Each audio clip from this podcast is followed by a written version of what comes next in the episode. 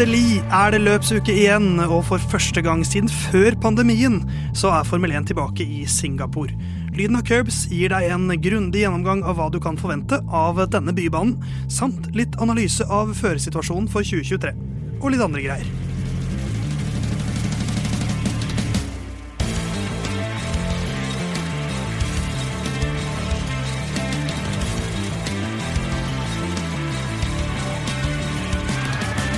Shalabais, da var det tid for Formel 1 igjen, gitt. Det er løpsuke. Endelig er Singapore tilbake på programmet. Det er litt av en bane, og dette er litt av et program og litt av en podkast om Formel 1 som du hører på nå. Dette er Lyden av Curbs, Radio Novas eget program om Formel 1. Theis eh, heter jeg. Jeg sitter bak spak og klaff også denne uka. Eh, det gjør også du, Jon Halvdan, i hvert fall bak en mikrofon. Hvordan går det med deg? Eh, med meg Idet jeg slår mikrofonstativet Du mitt. ikke bli så sinna for at jeg er her, Theis. Eh, med meg går det fint. Det er jo eh, blitt en litt sånn meme fra Ferrari som uh, starta med Raw Seek, eh, som eh, var sånn eh, poster til uh, når vi er tilbake til Race Week. Eh, denne gangen har de toppa seg sjøl, for da er det A, RCE Week. Eh, så det er det vi har. A, Week Week denne uka. Eh, Tilbake til Singapore. Gleder meg veldig. Det er på en måte samme som i eh, og den der zombieserien hvor, de, hvor det står 'Don't open dead inside', eller 'Don't dead open inside'. Ja, eller sånn, riktig, det kan riktig. på mange måter. Men Jon, du hadde kjempa litt med stolen din før i det åpningsvignetten der gikk. Eh, Hvordan fant du riktig innstilling på stolen din? Ja, nei, jeg stolen krangla ikke. Vi ble bare enige om eh, hvilken posisjon armlenene skulle være i, sånn at Ja. jeg slipper å hen sitte så veldig henslengt når jeg sitter her og snakker med deg. Og Ja, for, ja, for din favorittkranglingspartner er ikke her, men det er du, Ole. Ja da, jeg kan være med å krangle litt, jeg òg, for så vidt. Det er ikke det. For da er, da er på en måte Telemarksregionen representert her. For Herman har blitt sjuk. Ja, han er litt pjusk. Ja, ja, ja, for det er pjuskhet det går i. Men, Ja. men Theis får han standpunkt nå, egentlig? Nå har han fryktelig Altså, mye fravær. det er en fraværsgrense som han begynner å tyne noe voldsomt nå. Men han skal få lov til å forsvare seg litt senere i sendinga. Vi skal forhåpentligvis få en liten prat med han via telefon. Eh, webtelefoni som skal funke som bare det. Men, eh, men nydelig at vår favorittvikar Ole er med nok en gang. Jeg er strengt mot de andre vikarene, men jeg tar imot all Ja, ros, selvfølgelig. Men, men du må huske det, Ole, at min lojalitet er ikke verdt så mye. Nei. Så min favorittvikar er som regel den som sitter i studio med meg. Såpass tabloid er Da tar jeg det ikke så rose-tema, faktisk. Nei, men, men jeg synes fortsatt, jeg liker deg veldig godt, Olav. Jeg synes det er flott at du er med oss. Det ville jeg sagt til alle som hadde vært med. Bortsett fra Herman. Han hadde ikke fått høre det. Nei. Eh, Han måtte jeg tatt en alvorsprat med. ja, vi må snart Ja. eh, Men for å ta litt alvor, da. Dette er vår 31. episode, og da må vi ha litt eh, F1 stats. litt alvorlige stats. Ja, litt alvorlig, alvorlige stats. Nigel Mansell, en veldig alvorlig bart, har han. Han eh, hadde 31 løpseier i sin Formel 1-karriere. Eh, det er det samme antallet som vi har hatt episoder nå. Han er jo tidligere britisk FN-fører. Det, det høres så lite ut eh, med Hamilton med 100, men så Ja. kjørte de jo sånn to- og tre-runders sesonger, så det er jo ikke så rart at det ikke ble flere. Nei, nei, nei, det er, eh, han har en veldig bra karriere. Han ble jo verdensmester det året jeg ble født, 1992. 1992. Eh, ja, jeg var ikke så god til å prate da heller. Eh, Men en annen kar som har 31 løpseiere, det er jo Max Verstappen. Ja, Eh, Og det kan hende at dette er eneste uka, med mindre han vinner nå til helgen. Da kan jeg bruke Hvis han vinner løp hver uke nå, så, Så kan, kan, jeg jo faktisk kan den bruke den støtten. ut sesongen. I hvert Du kan i hvert fall bruke det denne og neste. ja. Men det kan godt hende at den, den statistikken kommer til å tas igjen i løpet av vår karriere som podkast. Men, eh, men Max Verstappen på 31, Nigel Mansell også på 31, så nå er jo Max faktisk der at han er én bak Fernando Alonso. Hva tror dere Fernando tenker om det? Jeg tror Fernando ikke bryr seg så veldig. Eh, Han har jo brent eh, alle bruer man kan brenne i Formel 1 og fortsatt ha et sete, nå sist til sitt eget lag alpin, så han kan ikke klage altfor mye. Nei, men da, og da, Hvis han tar Alonso, da, som han sikkert kommer til å gjøre i løpet av sesongen, her, så er det 41 på Ayton Senna, eh, og så er det Alain Post eh, og Sebastian Fettel på 50-tallet. Så er det Schumacher på 91 og Hamilton på 103. da. Så det er, det er litt godt å se at det fortsatt er et stykke opp, eh, Ole. Ja, Han har jo hinta om at han ikke skal fortsette ut i sine seniorår, sånn som Hamilton og Alonso. Så at han kommer helt til 100, tror jeg er, da skal han kjøre en god bil i neste sesong. Er. Han får begynne med å jakte på seier nummer 32. Eh, Den kan han få eh, i Singapore. Der har han aldri vunnet før. Så eh, la oss ta litt fatt på Singapore. eh, Singapore. Singapore. Ah, dette blir en lang sending. Singapore Grand Prix. Vi skal prate mer om det ganske straks. Tenk, mine kjære venner Ole og Jon Halvdan, at vi har vært gjennom en, vi har vært gjennom en pandemi. Noen sier fortsatt at vi er i en pandemi. Siden, siden forrige gang det var løp i Singapore det føler, jeg, så, jeg leste jeg så løpet i oppsummerer. Du Du har på både sett og lest mye om Singapore. jeg, jeg har både lest om det og sett eh, løpet i, opp, i opptak. Uh, og det føles som et annet uh, univers. Ja, det gjør det. Det er forskjellige lag og forskjellige farger. og Ja, Spesielt med tanke på når du ser sånn ja, Ricardo var i Renault, han da. Den gulere nå. Ja, det, det i seg selv kjennes rart ut, men vi skal komme tilbake til hva som skjedde sist det var løp der. Men Jon Halvdan, ditt eh, varemerke i dette programmet er jo informasjon. Det er informasjon. Ja. Og du har litt info om, eh, om Singapores Grand Prix. Kan ikke du ta oss gjennom den eh, gatebanen? Det kan jeg gjøre. Det er da 5063 meter fordelt på 23 svinger. Det skal kjøres 61 runde, runder. Og på hver runde er det tre DRS-soner. Den ene er da ned start-målstrekke. Den andre er er fra sving fem, som er liksom når du har runda U-en. Der starter andre DRS-sone, og siste er mellom sving 13 og 14, som er etter det veldig trange området på vei til et lite langstrekke. Uh, runderekorden ble satt av ingen andre enn Kevin Magnussen i, uh, ja, i 2018. Med en rundetid på 1 minutt, 41 sekunder og 905 tusendeler. Uh, og så hadde Singapore Jeg vet ikke om hvor godt dere kjenner til Singapore Sling, eller den triple sjikanen som var på banen fra han ble lagd til ut 2012-sesongen. Det var en, ja, en trippel sjikane som hvis du gjorde feil, så kunne bilen fly opp. og den ble kalt av Louis Hamilton for den verste svingen i Formel 1. Men ble tatt ut, så vi får ikke nyte den eller hate den mer nå lenger. Nei, og dette er jo, det er jo en bane Det er jo en bybane. Ofte vanskelig å finne et slags symbol eller noe som ligner på det. Men du, du nevnte noe i, mens vi hørte på en låt her på live radio. Hva vil du sammenligne Singapore Grand Prix med? Banekart, banekart altså. Ja, banekartet. Det, det, kan se ut som et litt rart dyr. Eller så ser jeg for meg at hvis du bestiller sånn der skjermreparasjonskit fra Apple til iPhonen din, og de er ikke så veldig sånn forbrukervennlige, så ville du fått et verktøy med som ser sånn her ut, som ikke noen andre bruker. Det kan jeg se for meg at det ser ut som. Tar du den referansen, Ole? Ja, jeg har Samsung, jeg, så jeg tar ikke den.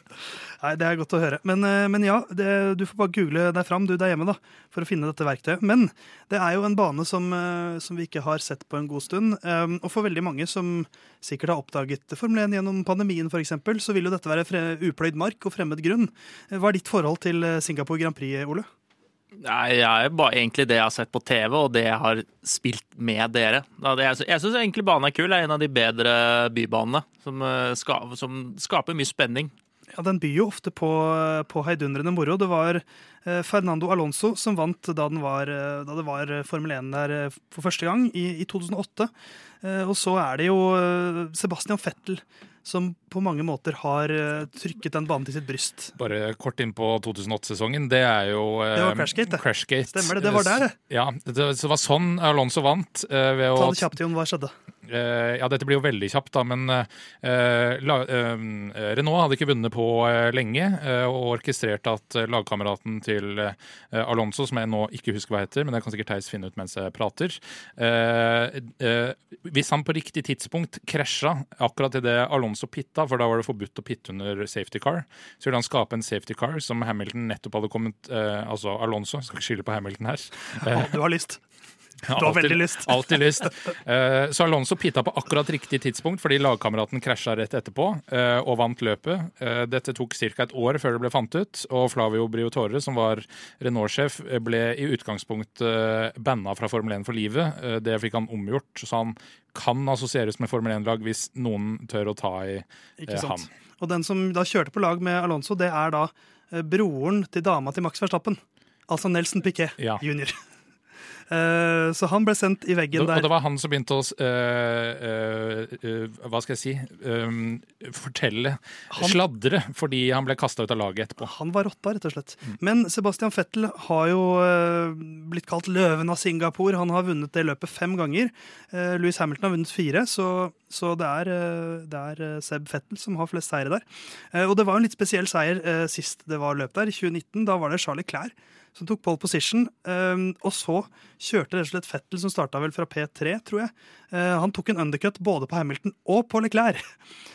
og da, kom, da Leclerc kom ut i P2 der, da var han ikke veldig fornøyd. Og det var på en måte Hvis du ser for deg de barna på skolen som går til rektor og klager over at det ikke er ting i kantina og sånt. Det var litt sånn han var på, på løpsradioen da.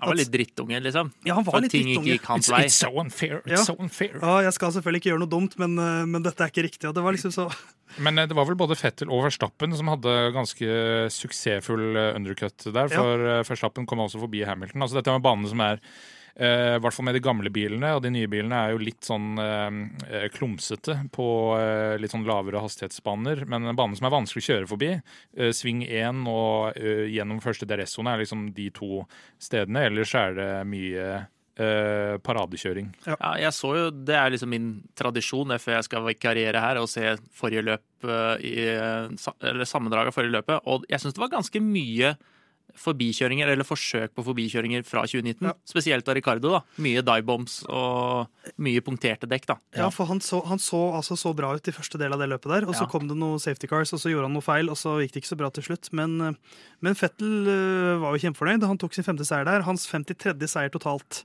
Eh, Og han har jo ikke så veldig mange løp igjen. Han har seks løp igjen av Formel 1-karrieren. Og er det noen her som tør, tør å si at det ikke blir hans siste seier? Eh, da- mm, så modig er jeg ikke. Nei. Det er vanskelig å si med 100% sikkerhet, men med 99,8 i hvert fall, så Ja. tror jeg ikke han kommer til å vinne noe mer. Ja, så lenge jeg ikke skal satse egne penger på det, så kan jeg jo si det. Ingenting er umulig. Ja. Kunne til og med satt en tier på det, men eh, Hvis du setter en tier ut sesongen, så tror jeg, taper du ikke så mye penger. det, jeg taper bare ti kroner. Nei, nei, men det er liksom ti hvert løp. Da. Oh, ja, ja, ja. Har du råd til det, Jon? Nei, det har jeg ikke råd til. Det, det er, hjem, det er tynt. ikke Men, eh, men det som jo var verdt å merke seg med det løpet som jeg tenk, tenkte litt over da jeg så eh, løpsoppsummeringa, var jo at eh, strategien til Mercedes i det løpet var jo at eh, Hamilton gikk veldig langt på første sintet sitt, eh, og venta vel da på en safety car. Eh, og det er det ofte i eh, Singapores Grand Prix, for dette er en utilgivelig bane, Jon. Eh, Det er det. altså Det er mange områder på banen hvor det, det er ganske trangt. altså Selve starten, sektor 1, er ganske åpen, så det er ikke så mye feil å gjøre. Men spesielt i sektor 2 så er det mye strang, eh, strange. Det er mye strange. strange. Mye strange. Mye smale partier. Eh, og eh, mot den, den siste delen før du eh, fullfører runda, hvor det er mye sånn 90-graderssvinger, der også er det eh, De er fryktelig nærme veggen eh, enkelte plasser der, hvor eh, flere har vært borte og punktert, eh, også ut av siste sving. Så eh, ja, det er, eh, det er meldt regn denne helgen. Jeg bare, jeg bare nevner det. Hele helgen i Singapore. Det er for øvrig de der gutta i Viaplay er jo, Det her er det løpet de anbefaler folk å reise til. Fordi du bor eh, i gangavstand til banen. Du bor, det går jo rundt alle hotellene i byen omtrent, det løpet. Så, eller i hvert fall nær eh, omliggenhet. Så du fly ned til Singapore og så gå til banen. Husk paraply. ja. Og det er jo et løp som er eh, regnes vel som det tøffeste fysiske løpet i sesongen pga. høy luftfuktighet, mye G-krefter generelt fordi det er så mange svinger, eh, og eh, mye akselerasjon. Eh, Så Og det så tar det veldig lang tid også. Det er alltid Ja. et langt løp. eh, det er det, og de, med et par safety cars er man, eh, nærmer man seg eh, totimersgrensa på det løpet her. Så eh, vi får se. Eh, Man var halvannet minutt unna i fjor. Eller i 2019. Så eh, klarte han å trille inn til kanskje sin siste seier der Seb Fettel eh, kanskje tar noen sin første seier, eller tar Max Verstappen sin 32. seier. Jeg håper jo det, sånn at jeg kan bruke det som fun fact Ja. neste uke. Men eh, la oss ta litt fatt da, på hva vi forventer av førerne som skal holde gjennom disse rundene i Singapore.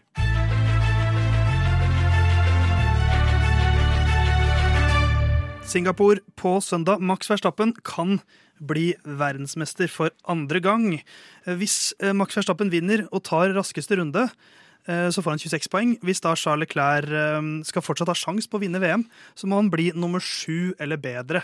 Eh, Og da må han altså vinne resten av løpene, ta raskeste runde, og eh, Max Verstappen må ta null poeng, så det er ikke så sannsynlig. Men eh, at Max skal avgjøre, er kanskje ikke så sannsynlig heller. Men Jon, hvordan ser tabellen ut da?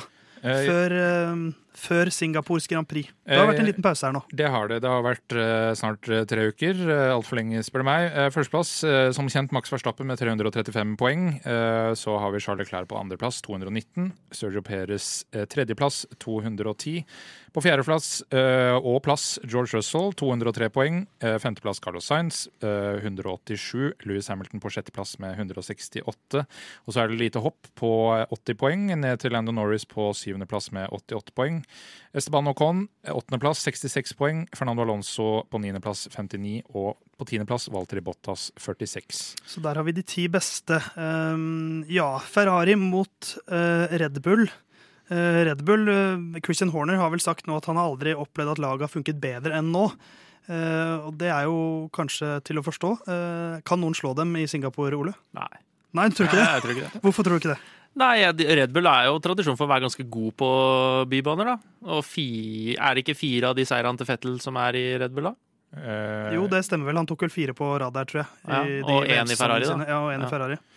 Nå, hvis Monaco da skulle være noe vitnesbyrd for hvordan de har gjort det på bybaner, så hadde jo Ferrari et lite overtak. Eh, nå ryktes jo, uten at verken Horner eller Marco vil bekrefte det, at eh, Red Bull har et nytt chassis også, som er liksom eh, praksis alt unntatt vinger.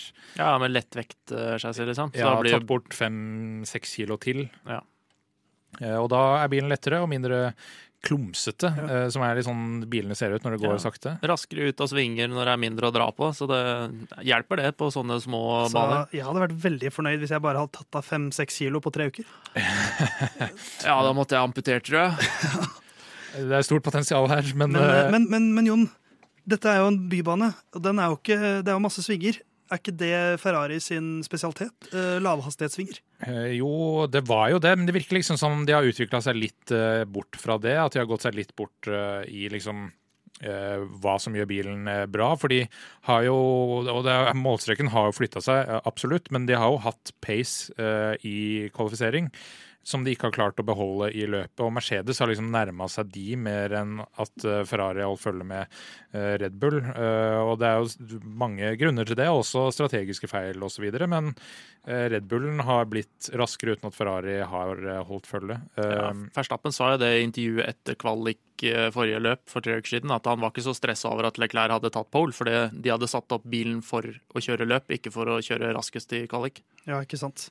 Så, ja, for det, det er vel det som blir tydeligere og tydeligere. At, den, at, at over en, runde så kan Ferrari henge med, men så blir det 61 runder, eller hva det var. ja, 61 runder. Og Da er det liksom Det, det blir en del runder. Ja, Så skal jo Ferrari inn og pitte, så der vet jo alt kan skje. Og det skal tas avgjørelser, så det er ikke gitt, selv om de har raskest bil, at det går bra. Ja, og så er er det vel det som jeg syns Leclerc mangler litt på Hamilton og Verstappen, er det der å eh, dundre ut eh, raske runder runde etter runde. Det mangler han litt, eh, og Ferrari mangler litt eh, pace. Det er jo sånn som i, Fran i Frankrike, da, så når det skjer med Leclerc, så er han mer utsatt for tabber enn det Hamilton og Verstappen er.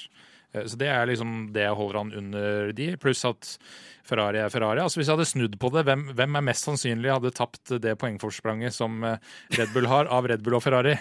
Så Så er det ikke Red Bull. Nei. Nei, det, altså det, det, er jo, det er jo ikke noe tvil om hvem som blir verdensmester, og hvem som vinner konstruktørmesterskapet. Men, eh, men det ligger jo da fortsatt en del spenning i sjiktet bak, eh, som vi hørte i Jon Hattans gjennomgang. Charlie Clair på 219 poeng, eh, og, og eh, Louis Hamilton på sjetteplass med 168. Det er ikke veldig mange poeng som skal til før det blir litt omstokking der. Nei, det er en DNF eller to, så er de helt oppi. Og så er det jo da mellom uh, si Russell, da, hvis du tar ut av Science og eh, Hamilton litt, som er, er et lite stykke bak, så er det jo 203 uh, Altså det er 16 poeng mellom Charlie Clair og på andreplass og George Russell på fjerde. Så det er jo al- Alt er up for grabs. Men hva har eh, For jeg sitter jo og ser på Sergio Perez og tenker at du ikke, ikke jaggu om du blir nummer to i dette VM-et her.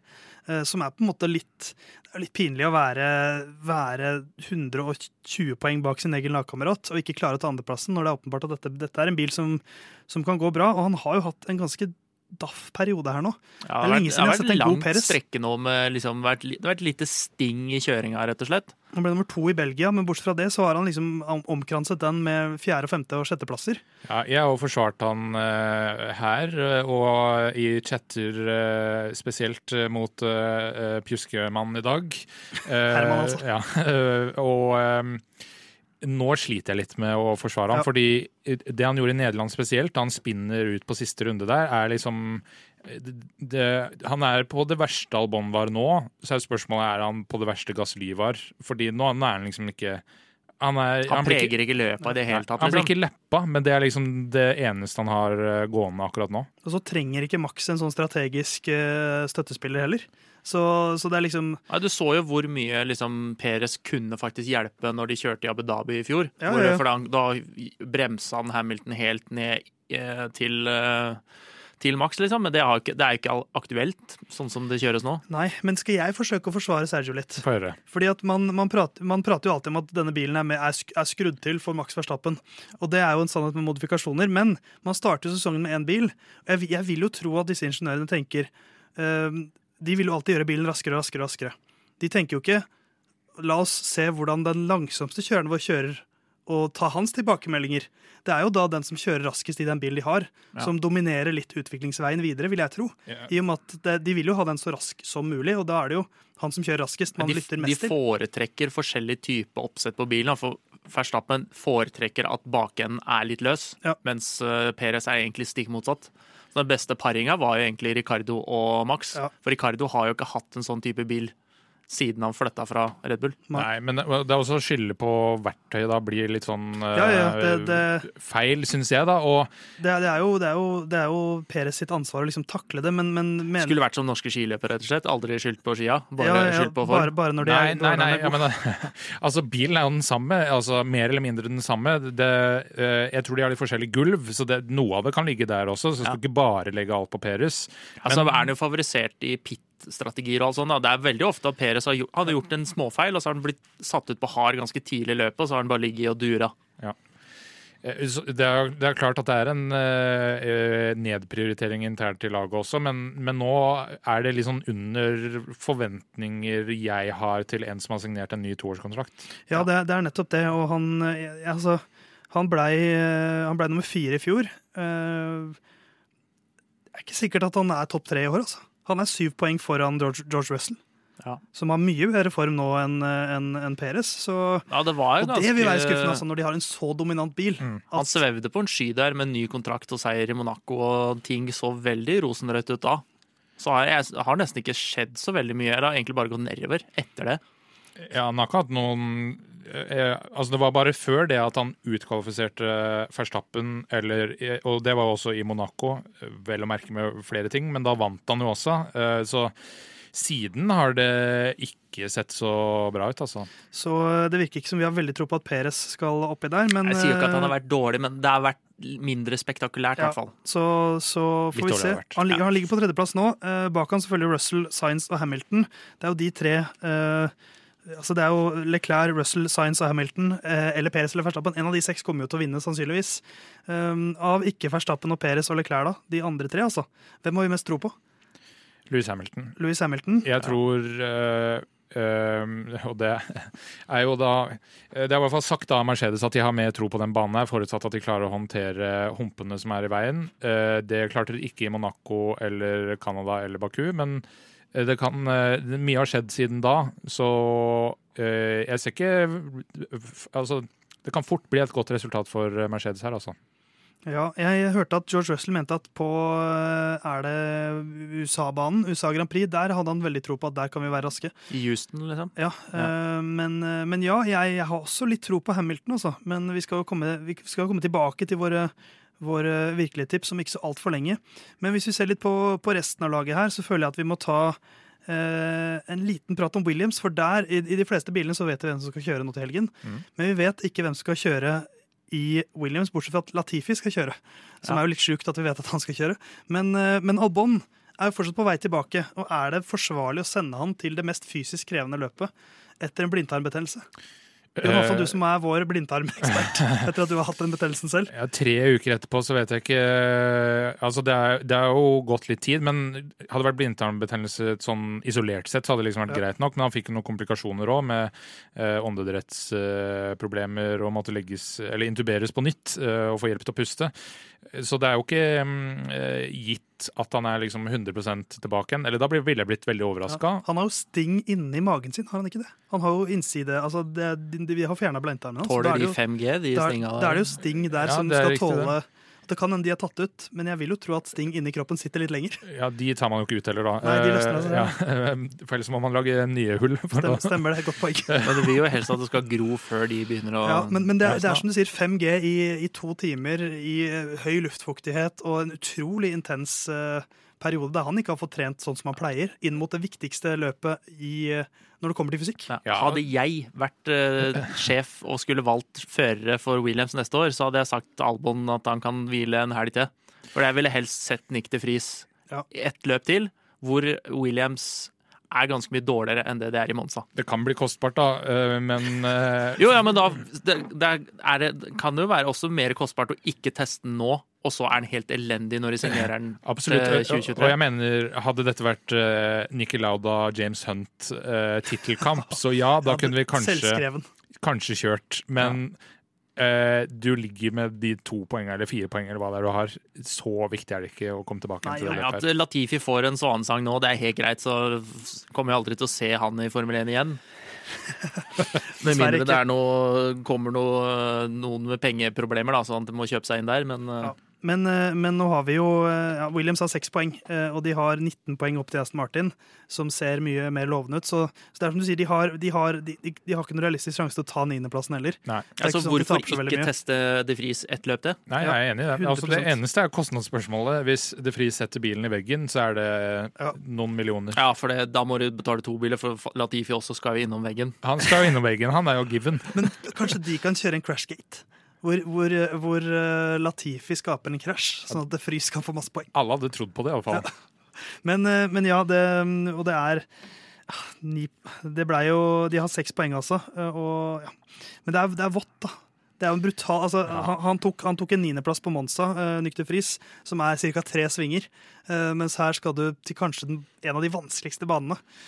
Du, Ja. du, på Monsa må du bare være modig, liksom. Oi, regn og det, jeg, Du skal være litt modig i Singapore òg, vel? Hvis, jo, jo, hvis det skal men, eh, regne og du skal kjøre der. Det er, det, er, det er to stykk Haas-førere og to stykk Williams, eller potensielt tre stykk Williams-førere. Jeg er ikke sikker på å ikke sette bilen i veggen hvis det skulle regne. Eh, Så ja, det, det, kan bli, det kan bli tøft.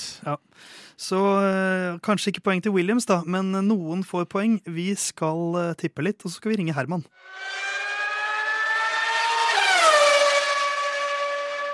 Kanskje vi skal bevege oss over i tippeland, da. Eh, og der skal vi tippe så godt vi kan. Eh, vi tipper da topp tre, og vi tipper ukens sjuking, som er at vi forsøker å spå en hendelse som hvis man hadde sett på det løpet i retrospekt, så hadde man sagt ja, det var sjukt at det skjedde.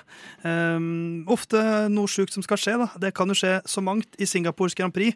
Um, og da kanskje, kanskje jeg for en gangs skyld skal begynne med mine tippetips. Kan du Hvorfor ikke det, Theis? ikke det, Theis? Jeg tenker jeg gjør det. Uh, og jeg, nå er vi jo inne i the, the, the crunch time av sesongen, vi også. Kan ikke du ta først oppsummering av, av stillinga, Jon Halvdan? Det kan I jeg gjøre. sammendraget. Eh, oss tre, da, med Jon Halvdan, Theis og Herman. Og så har du jo en egen gjestekonto. Da må det bli en sånn prosentregning, vel. Det er en slags uh, Ja, jeg- ligning jeg- som ligger bak den. Eh, Det vil være et helt foredrag å gå gjennom med den kompliserte ligninga bak eh, gjestene, men de ligger da nederst med 42,5 poeng.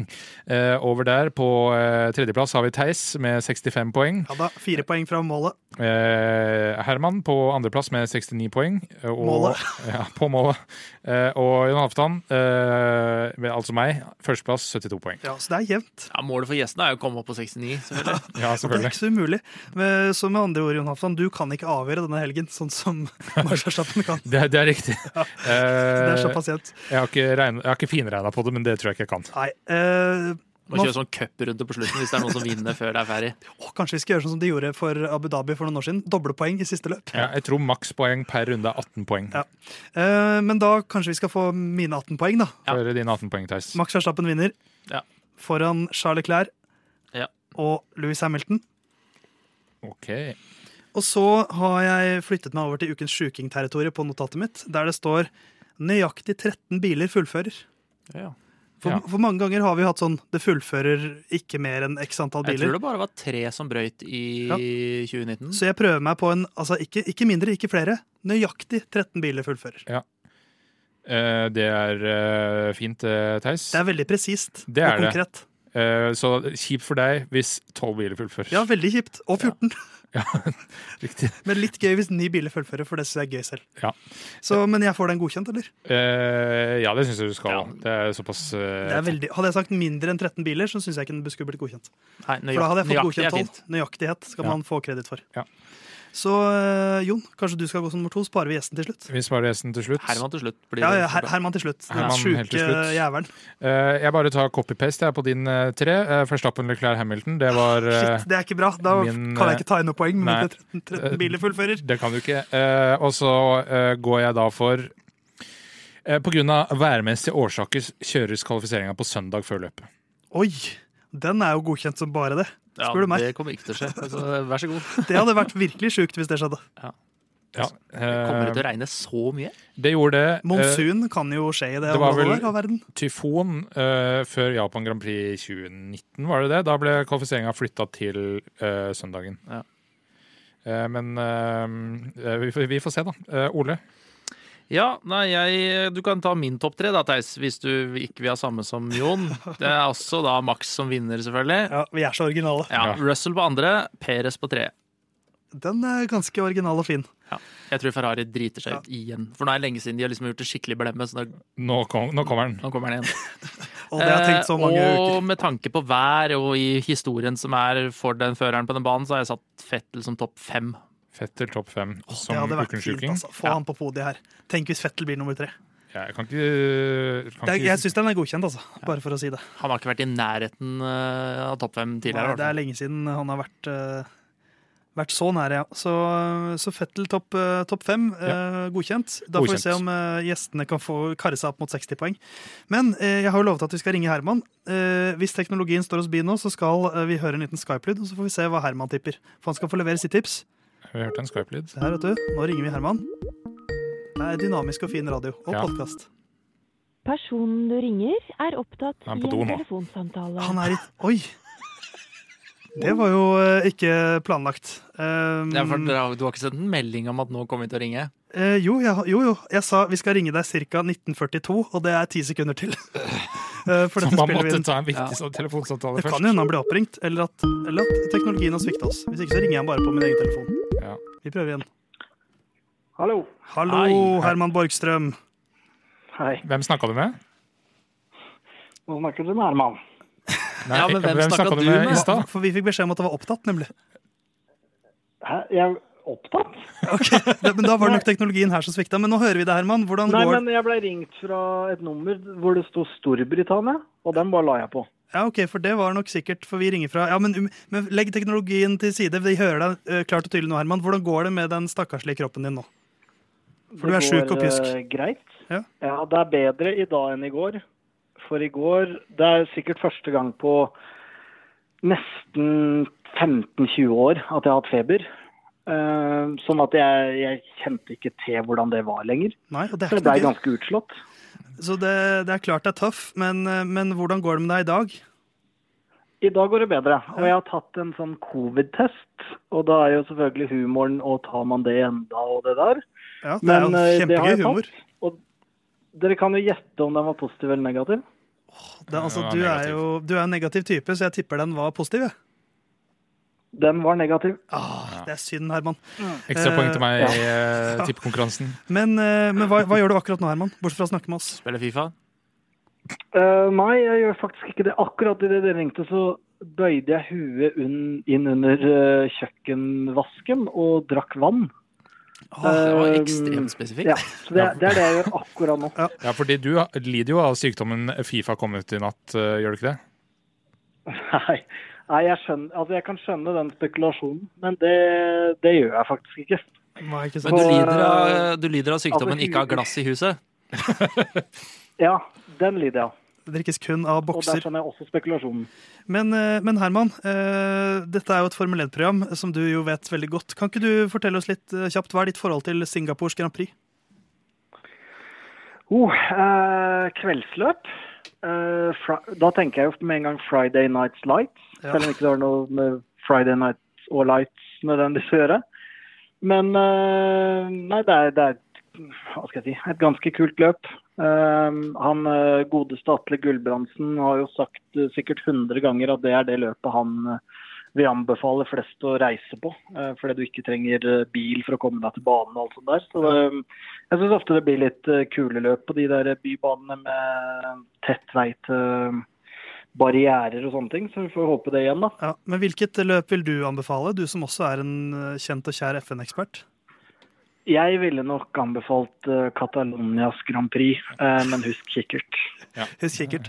Men eh, Herman, Mm. eh, vi, vi har jo en tippekonkurranse her hvor eh, vi har levert våre tippetips allerede. De får du nesten høre podkasten for å få høre selv. Men Ja. du skal jo få lov til å tippe en topp tre og Ukens sjuking eh, live her. Fra, fra ditt Ja. eget hjem. Det er en ny opplevelse. Kan ikke du ta oss gjennom dine tips? Ja, det er stort.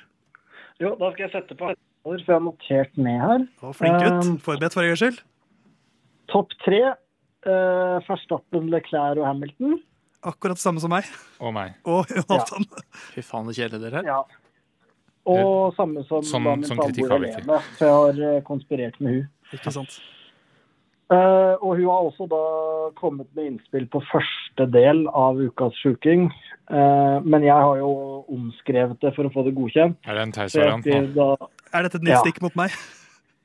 Ja, egentlig så løpets eneste meksikaner tar ikke poeng. Samtidig som halvparten av de som er halvt britisk eller mer, tar poeng, hvorav en av de havner på podium. OK, så, så uh, Peres tar ikke poeng. Og Men- Hamilton, Albon eller Russell Norris tar po poeng, og de, han ene av de er på podium. Yes. Alle det de tre er på poeng? eh, den enkle veien. Ja, altså du, jeg, altså For da ligger jo grunnpilaren her er jo også at Albon kjører. Ja. uh, som ikke er sikker, så jeg syns denne er godkjent. Uh, Ja, ja. ja, han- men han er jo wildcard uansett, må ta poeng, da. Sånn sett. Det er sant. Pluss at jeg ikke mener han er eh, halvt britisk, men det, Alle fire har jo tatt en brite på podiet, da, så den skal jo gå inn. Ja, det, den skal gå inn. den, den skal gå inn, men, men du, skal få, du skal få for uh, konkretiteten her, Herman. Um, og, Ja. og jeg tar meg ikke nær, jeg, der. Eh, Hyller det. Ja, ja, jeg, jeg hyller det jo, eh, fordi at jeg, da, har jeg, da har jeg klart å lure deg over i min, på min banehalvdel. Jeg prøvde jo å være litt enkel denne uka her, for at jeg visste Herman skulle ringe inn. Så. Ja. Men Herman, du skal ikke få vite hva vi har tippet. at eh, jeg legger også merke til at to av to er godkjent, som er altså en rekorduttelling for min del. Så jeg kommer til å fortsette med å Du pleier å få underkjent topp tre. Og det er, den offerrollen, Herman, har aldri vært nærere deg nå, nå som du er pjusk og uh, kan sette deg i offerrollen. Jeg er faktisk ikke pjusk, jeg er, jeg er faktisk sjuk for en gangs Ja. skyld. Ja. Jeg pleier å være mye pjusk, men nå er jeg faktisk Ja. Nei, men du får, du, får, du får lege deg, og så håper jeg vi høres, eh, vi høres i studio neste uke. For du var jo her forrige uke, og så var det jo, det var jo hyggelig å se deg igjen Ja, Et lite øyeblikk. en gang i ny og ne. Vi, eh, vi, vi får ta det neste gang, men jeg og Heis vurderer om du har nok Heis. Kalte du meg heis? jeg, jeg, og, jeg og Theis uh, vurderer om du har nok uh, opptredener til å få standpunkt. Fraværsgrensa Det spøker, Herman. Fraværsgrensa spøker. Ja, det er Men- sant. Men det er jo, jeg er jo ramma av den lærerstreiken, vet du. Ja. Så er sant, det, det. jeg må få standpunkt. Men uh, takk for tipsene, Herman. Du får uh, bli frisk og kos deg med Singapores Grand Prix. Så prates vi. Det skal jeg gjøre. Ha det godt. Yes. Ha det, boys. Ja, han skal få for uh, godkjent, syns jeg.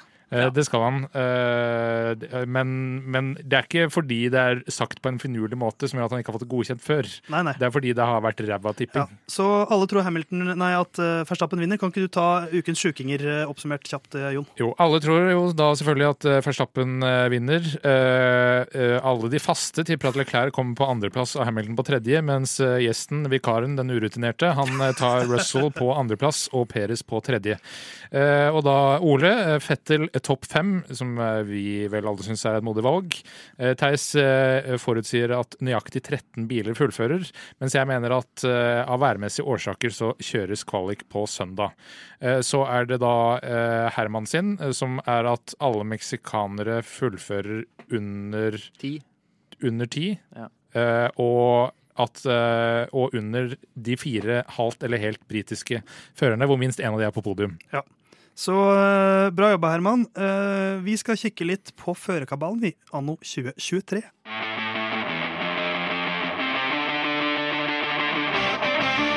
Det er 20 seter som er tilgjengelig eh, i Formel 1-sirkuset akkurat nå. Dessverre ikke flere enn det. Eh, Og det fylles opp. Eh, Denne uken eh, så har det blitt bekreftet at Shogun Yu skal kjøre neste år. Mm. Det er jo kommet flere forlengelser de siste ukene, så nå da skal fortsette. Og, Latifi skal ikke fortsette. Ja, Nå halverer vi antall canadiere i Formel 1. Eh, Dessverre, vil noen godt er si. det, kanskje? Hva sa du? Og godt er det? Og godt er det, ja. Det er riktig. Jeg syns det er helt uh, på sin plass. Vet uh, Sjukeherman blir enda litt sjukere når han uh, har uh, fått med seg de nyhetene, men eh, sånn er det. Eh, så da er det jo eh, også et spørsmål, det er ikke 100% bekrefta enda, men at eh, eh, Mick er i hvert fall ute av Ferrari-loopen. Og det betyr eh, ikke så mye backing til setet sitt i has, og kanskje også ute etter denne sesongen. Ja. Så, eh, så det er jo nå egentlig For altså, akkurat i snakkende stund så er Pierre Gasly Alfa Tauri-fører neste år også. Mm. Ja. uh, og hvis vi setter den som et slags premiss, så er det da tre ledige seter. Uh, men Gasly nei, er jo ikke ikke ja. sikkert at skal kjøpe Eller er du enig? Er det ikke tre ledige seter, da? Jo, det er, ja, det er det, men uh, hvor de er, er vel kanskje det man Ja, kan ja, ja, for det er, det er jo sikkert. For det Ja. avhenger av hvor uh, Ga- Gasly er på en måte den første dominobrikken her, føler jeg. Ja, fordi alpin er veldig gira på Gasly, uh, og det er ikke så veldig uforståelig. Altså, Gasly er en solid fører. Da som- får de helfransk lineup også. Ja, og det vil gjøre godt både for den franske stat, som eier alpin, og det ene og det andre. Så, og når man ikke har nå Frankrike på kalenderen neste år, så er det litt sånn dobbel fransk i det franske laget. Sikkert ikke så dumt. Men eh, da skal jo noen inn, i så fall, inn i Alfa Tauri. Men det som i hvert fall helt sikkert, er at setet til Latifi er ledig. eh, og ganske sikkert at setet til Mick Schumacher er ledig. Ja.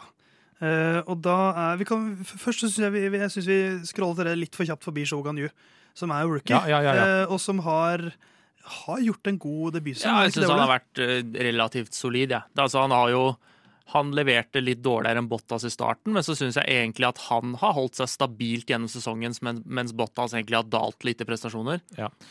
Jeg kommer til å sitere eh, nettsiden The Race to ganger, eh, men det ene nå er at eh, de, eh, som jeg syns er et godt poeng, at eh, nedgangen i performance hos Alfa Romeo har maskert hvor god sesong Shogun Yu egentlig har hatt. Ja. Fordi han har eh, prestert tilnærma likt som han gjorde i starten av sesongen, men bilen har blitt mye dårligere, og Valtteri Bottas har prestert mye dårligere. Så eh, jeg syns det er eh, god, mer enn godkjent sesong for Shogun Yu, og eh, absolutt fortjener en sesong til. Blir det riktig å si at bilen har blitt dårligere, eller at, eller at den har blitt at den har bare stått, er blitt, på, stått på stedet Den hvil? er blitt relativt dårligere, Ja. fordi alle de andre bilene har blitt bedre, mens uh, Alfa Romeo ikke har uh, Forbedra seg. Eh, og så er jo da spørsmålet eh, Ja, Gasly skal inn et sted i kabalen, men det er tre ledige plasser. Ja. Hvem tar de tre plassene? Daniel er- Ricardo. Ja, jeg håper Ricardo tar en av de. Jeg syns det er litt trist at han forsvinner på den måten her. Selv om han har vært, han har vært dårlig nå i to sesonger. Ja, men han må krype til et slags kors, da, for det er jo ikke topplaga det er plasser hos nå. Nei, jeg jeg syns det beste hadde vært om Perez hadde tanka den sesongen her, og så kom Ricardo tilbake i Red Bull som en sånn Jeg tror han hadde godtatt andre fører der nå. Ja, det, det, ja, Hvis ikke så er han brød, enda større brødhund enn han ser ut som. ja det, altså, det måtte han bare gjort, fordi det er det eneste som kan funke for han hvis han skulle inn i et topplag. Eh, Ryktet nå er vel testfører for Mercedes, som er liksom uh, det som er uh, Skal han nærmest. sitte der nykter fri sitter nå, sånn ved siden av Toto Wolff, og liksom late som han er en slags minimi? Hadde han, jeg jeg tror ikke han sitter sånn ved siden av Toto Wolff. Men jeg hadde likt det veldig godt. Da sitter han med resting teeth face og eh, sitter og gliser ved siden av Toto Wolff. Men eh, ja, altså jeg er som eh, Red Bull-fan og Formel 1-fan, men jeg er faktisk litt usikker på kvaliteten til, uh, til Ricardo nå. Om han hadde prestert noe bedre enn Perez hadde gjort, eh, gjør nå i Red Bull. Det er en selvtillitssvikt der, absolutt. Han hadde kanskje takla bilen bedre fordi han takla den forrige Red Bullen bedre. Eh, men Ja, for han har, mis- han har liksom mista selvtilliten fordi bilen er annerledes i forhold til hva han kjørte på inn, Sånn som de divebombsa han er kjent for. Han Ja. mista totalt selvtilliten på. Men, men eh, si det at han kommer inn i Red Bull og han gjør det mye bedre og er liksom mye nærmere maks. Godtar han da å være en andre fører? Han burde det ut ifra den historien han har hatt, men eh, ja. Tror, det, Det, er eksplosivt, det, det er, det er forholdet eksplosivt. der. Det ville jo liksom skapt gnisninger fortere. Så for, Ja. som Red Bull-sjef så er det ikke sikkert de vil det, men Nei. Han blir 34 neste år. Ja. Eh, Det er jo Mark Webber, da. Ja, Ja, men sant. samme som eh, Sånn som Nico Hulkenberg nevnes jo som en, en som kan komme inn på de tre setene. Han er 35 år nå.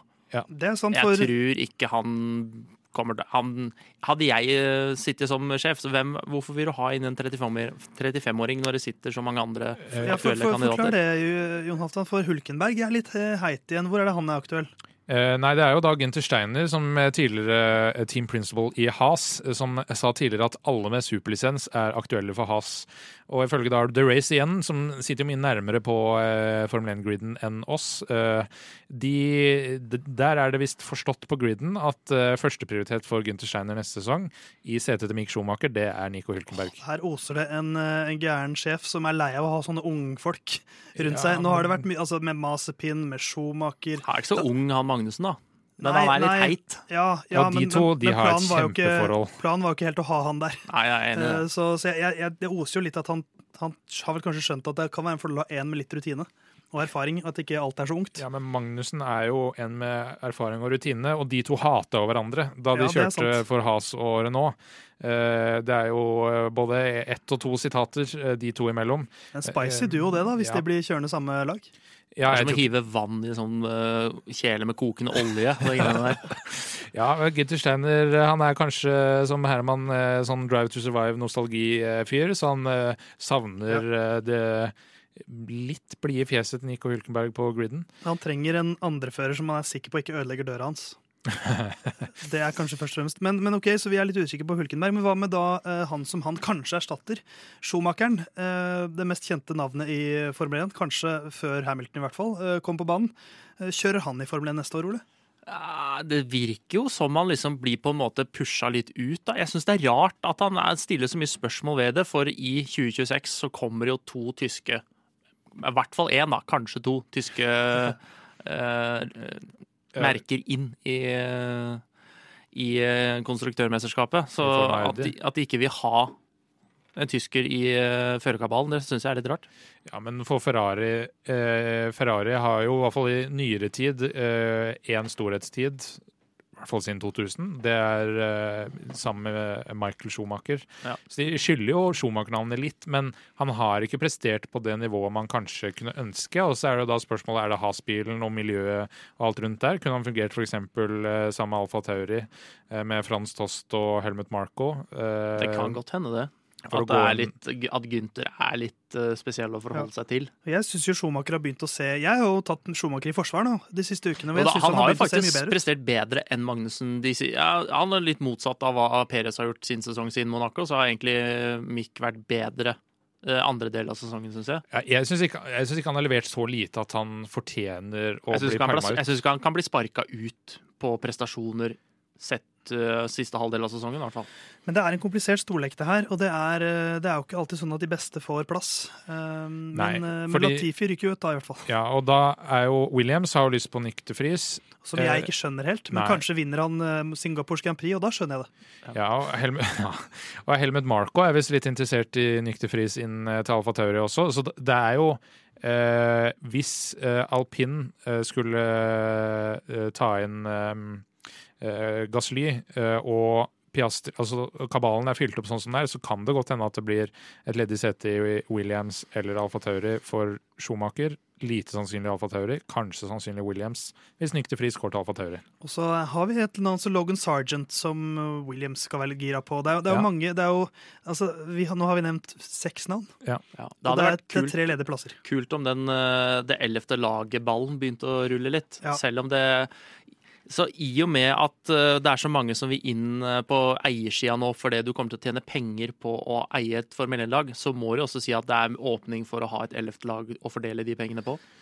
Ja, det er, altså det er den her Concorde-avtalen mellom laga eh, som eh, liksom setter rammeverket for at de skal delta, som eh, gjør at du må med en buy-in på sånn 300-400 millioner eh, euro eller dollar til de andre laga fordi de taper penger på at man skal fordele uh, inntekter på elleve lag istedenfor ti lag. Jeg, jeg har jo en grensesprengende, et grensesprengende forslag som er at alle eh, ti lagene deler, altså gir en del av premiepengene sine, uh, skal lete etter plassering til slutt, og starte et ellevte lag sammen, som skal være Det skal være den første sesongen til Formel 2-mesteren. Han skal kjøre i det laget, og det laget har kun én bil. Kun én bil. Ja. Ja, men, Sånn at det blir 21 biler. Det er mitt grensesprengende forslag, sånn at F2-mesteren alltid får i hvert fall en sjanse. Men kan man-? Eh, åh, skulle gjerne Men kan man ikke da, da heller flytte inn eh, eh, første- og andreplass, da, sånn at man får liksom eh, Da blir det dyrere, da. Det var min, min tanke at det er Ja. lettere å få det med Er det- på noe som bare er Hva en bil. er det billigste alternativet? Er det at alle lag får tre biler, eller er det å få et nytt lag? Ja. Jeg tror tre biler er billigere. Altså, for å bare Tror si det det? først, Er tre biler billigere enn at Ja, det tror jeg. et, et kommer ett ellevte lag? Utviklingskostnadene er så høye. Det er produksjonskostnadene som er, eh, blir liksom det ekstra utgiften da. Hvis du, legger, du trenger ikke legge på en tredje, eller altså halvparten til. Jeg tror 20% hadde holdt. Så eh, det virker ikke som mitt forslag ble kjøpt helt. Jeg får sende en mail til eh, Liberty Media og se om jeg får noe svar. Men dette er jo en kabal og en storlek som utvikler seg veldig fort fra uke til uke, så vi kommer garantert tilbake til dette temaet. Dette kan vi snakke om i mars. Ja, altså, og det kommer vi til å gjøre også. Men eh, noe vi skal prate om nå, det er at det blir flere sprintløp i 2023.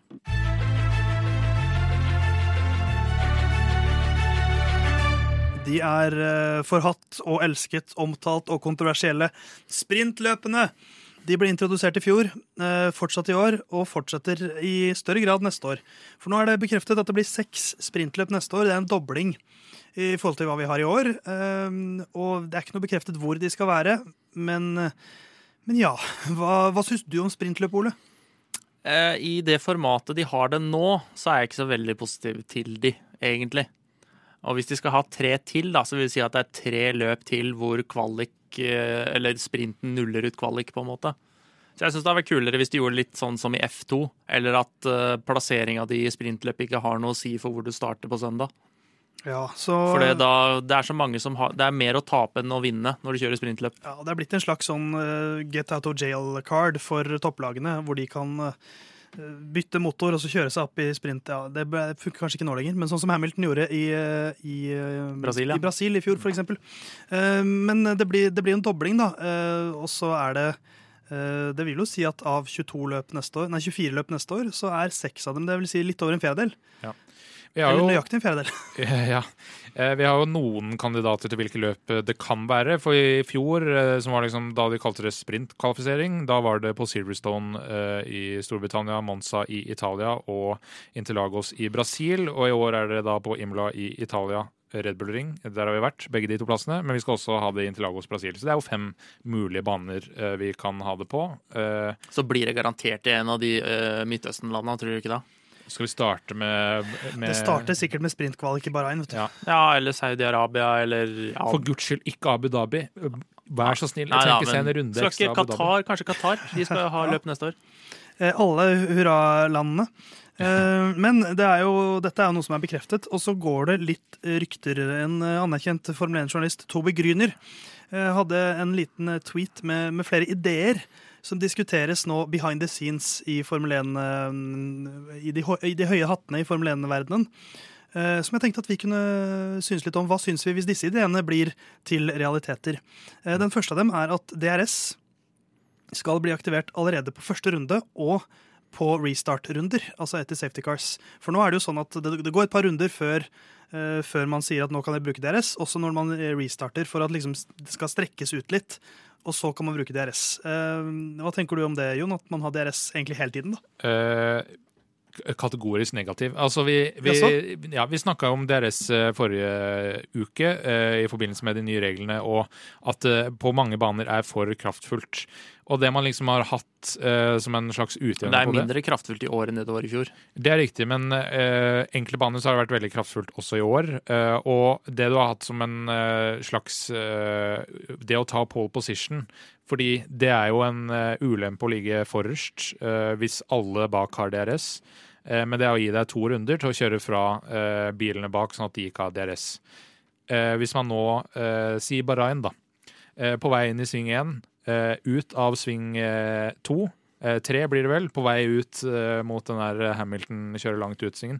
Alle eh, DRS eh, på eh, pole position. Utrolig spennende, da. Ja, men det, det eh, og jeg skjønner at eh, Formel 1 vil alltid være litt gimmicky, fordi det er jo innafor reglene man setter. det er jo der Ja, og går, det er jo sikkert det er et eller annet sikkerhetsgreier som kommer inn der som de kommer til å si at nei, det kan vi ikke, for da blir det mer dødsfall eller et eller annet sånt. Men Ah, men, det at ingen kommer av gårde i front, er på en måte jeg liker jo det litt. Det er jo spennende nå. Men se se for dere Spa, Camel Straight. Uh, fra start der. Verdens lengste rettstrekke. ja, Med fem i bredda inn i sving- Ja, here comes Sebastian Fettel. Uh, altså, det funker for meg. Ja, uh, så, så jeg, men jeg, jeg er jo enig i at sånn Jeg vil jo egentlig ha bort deres. Jeg òg, men samtidig så liker jeg Jeg er litt mer med på også ha, restart jeg vil også ha et hjelpemiddel for forbikjøringer. Hvis de fjerner DRS, så må det liksom være noe annet som gjør, bortsett fra liksom drag, at du kan komme forbi. En boost, et eller annet, da. Ja. For å skape liksom en øh, ubalanse i, eh, i power. Ja, det, og eh, det har jo vært snakka om med DRS også, at det er eh, tidsbestemt i stedet. At du har eh, si ett minutt DRS i løpet av løpet, Ja, og så velger du når du bruker det. Det i kombinasjon med det Jeg er ikke så negativ til at det skal være på restart lap etter safety Nei, for car. det, det syns jeg gir nesten litt mening, for da er jo feltet allerede Altså, Du er er du samla, du men er ikke ikke, samla. du er ikke doomed hvis du sitter først, da, Men for da er det du som starter det. Åssen er det etter virtual safety car? Er den i gang med en gang da, eller er det Så det? Er lenge det. ikke det er bare full safety den skrus av? ja. For apropos det, neste punkt på lista her er jo at uh, man har en idé om at man skal ha mer fysisk safety car, altså full safety car, uh, istedenfor virtual safety car. Um, og det syns ikke jeg er så bra, for Da da, da, da vel- konstruerer du eh, dramatikk. eh, Er det ikke da bedre å ha sånn Vi så jo åssen effekt safety car hadde nå i forrige løp.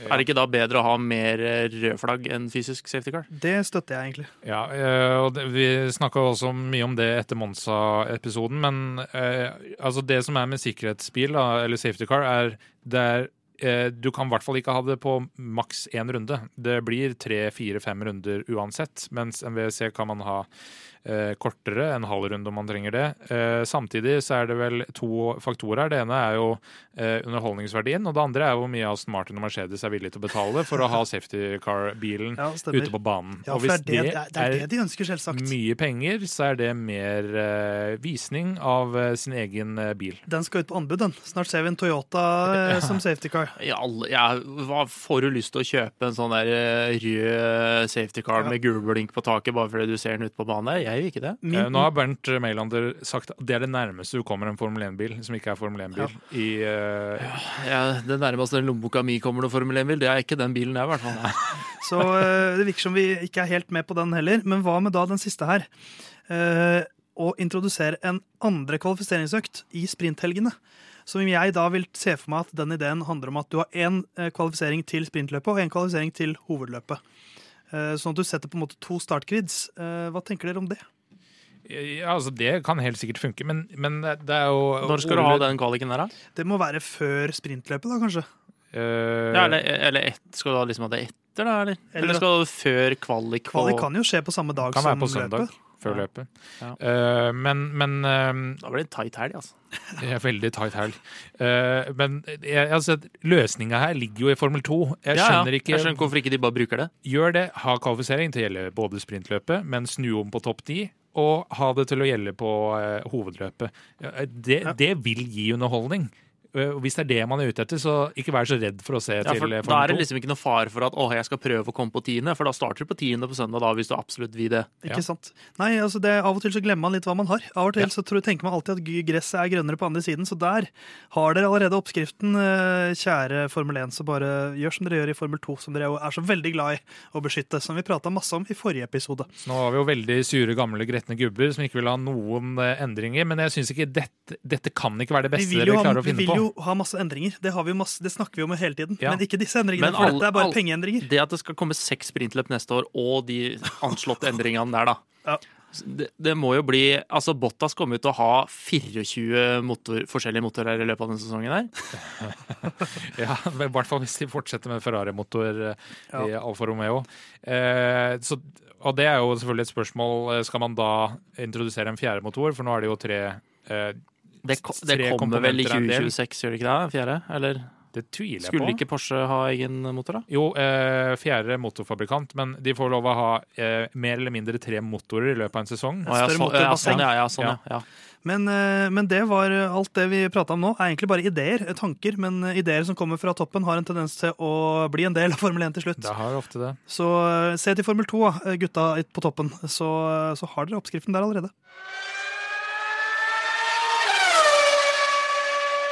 Det er ikke mange dagene til det endelig er Formel 1 igjen. Jeg føler det er, føler det er en evighet siden, eh, siden Italias Grand Prix, og det er det nesten også. 11. september. Det var forrige gang det var løp. Vi får, nå- vi får skylde på Putin. vi får skylde på Putin, eh, og da er det snart 2. oktober, Jon Halvdan. Eh, oktober, din favorittmåned. Eh, det er det ikke. Men eh, Topp tolv måneder. eh, den er på topp tolv måneder. Kanskje topp ti. Ja, ok, det er ikke verst. Eh, men eh, det vil da si at det er Formel 1-løp igjen. Og det er i Singapore, men ikke vær redd, du der hjemme. Det er lett å få det med seg. Det er det. Tidsmessig. Eh, så er det litt sånn midt i smørøyet, som eh, kan være litt sånn eh, plagsomt. Om man legger planer på søndag. Klokka tolv iallfall. På fredag starter første trening. Klokka tre er andre. Tolv igjen på lørdag. Tredje trening. Kvalifisering. Da begynner hovedaction. Eh, 15.00. Og hovedløpet, eller løpet, mye sprintløp vi har snakka om, men dette er bare løpet i enkelttall. Eh, 14.00 på søndag. Ikke sant. Så det er jo greit å få med seg. Men neste uke så er det jo Japans Grand Prix eh, som gjør sitt eh, comeback. Og da, eh, da er det mindre hyggelig, for da er det løp som starter klokka sju på søndag. Kvalifisering klokka åtte på lørdag. Ja, Hvis du er veldig sånn der eh, Free Practice One-fan, så må du opp da klokka fem på Ja. fredag. Og det er jo du, Ole. eller ikke legge deg da, før sju om morgenen. ta en veldig sen kveld. Ja. Men, eh, men Ole, hvordan angriper du sånne, sånne type idrettsarrangementer man ønsker å få med seg, som er veldig tidlig på en søndag, f.eks.? Uh, nei, jeg har jo alarmer på, da. Jeg så jo en del Jeg Har jo sett en del OL opp igjennom som har vært på ugunstige tider. Så det går jo bare man legger vilja til. Ja. Ja. Jeg kommer jo rett fra et uh, sykkel-VM, uh, som ikke er Australia denne gangen. Så da, nå på søndag, så sto jeg opp klokka halv sju eh, for å se siste delen, siste halvannen timen, siste to timene av landeveisrittet landeveisritt i VM. Ja. Så jeg har jo gjort dette før eh, enn du, Jon.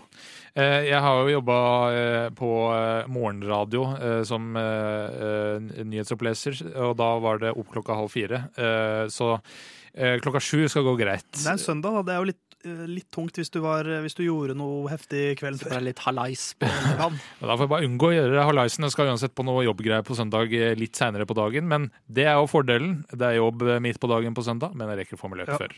Men, men vi får nyte Singapores Grand Prix, altså for, for etter det så er det eh, så er det jo over til Amerika. Da er det USA, Mexico og Brasil. Og da er det start klokka ni og sju på kvelden, som jeg egentlig foretrekker. Ja, det er litt deilig, det. Men, eh, men da er det altså etter Singapore Grand Prix så er Abu Dhabi eh, neste løp som starter sånn vanlig starttidspunkt. Ja. Men kvelden er greit, det. Jeg liker eh, kveldsløp i Formel 1 veldig veldig godt. Eh, men eh, denne innspillingskvelden drar seg mot slutten. Eh, lyden av Curbs er tilbake neste uke. Da skal sikkert funfacten min være at Max Verstappen har tatt sin 32. seier. Du Eh, jinxer det såpass mye nå at han kommer ikke til å vinne, eller? det er jo litt jeg håper på. Ja. men eh, men eh, vi gleder, jeg gleder meg veldig til Singapore. Jeg håper værmeldingene står seg bi, fordi at eh, regn på en street circuit, Ja, er da blir det det 13 biler som fullfører. Passelig mengde. Eh, ikke for mye. Ikke, ikke, jeg orker ikke en ny sånn Belgia-helg fra i fjor, fordi eh, det er bare vondt å se på. Ah, På en måte enda tristere å ha sånne der, eh, hva skal man si, paraderunder rundt omkring i en by. Eller Ja, det- blir enda verre da. Ja. Eh, For ikke snakke om for arrangørene, da, som har uh, snudd opp ned på byen for å se noen kjøre tre runder bak safety car. Spesielt når det er første gang siden 2019. Ja. Så deilig å få i gang Singapores Grand Prix igjen. Eh, Takk for laget, Ole. Jo, takk for at jeg fikk komme. Vi høres nok neste uke, sikkert. Eller uka etter. Neste gang Herman er borte, som ikke er lenge til, garantert. Eh, Men tips gjerne en venn om, eh, om lyden av curbs, hvis du liker det vi holder på med, og hvis den vennen liker Formel 1, da, vel å merke. Eh, Noen siste bevingede ord, som jeg pleier å si, Jonathan? Eh, Det er eh, uh, eh, Se med en annen kommentator denne gangen, hvis du har mulighet. Det kom kjapt. Ja. Enn du, Ole, noen siste bevingede ord? Uh, det er nyt, uh, nyt uh, et ekstra glass den helga her, for neste helg i Japan så må du stå opp tidlig. Og mine siste bevingede ord de er til deg, Nicolas Latifi. Eh, Du er en fin gutt. Eh, Vi høres neste uke. Ha det bra.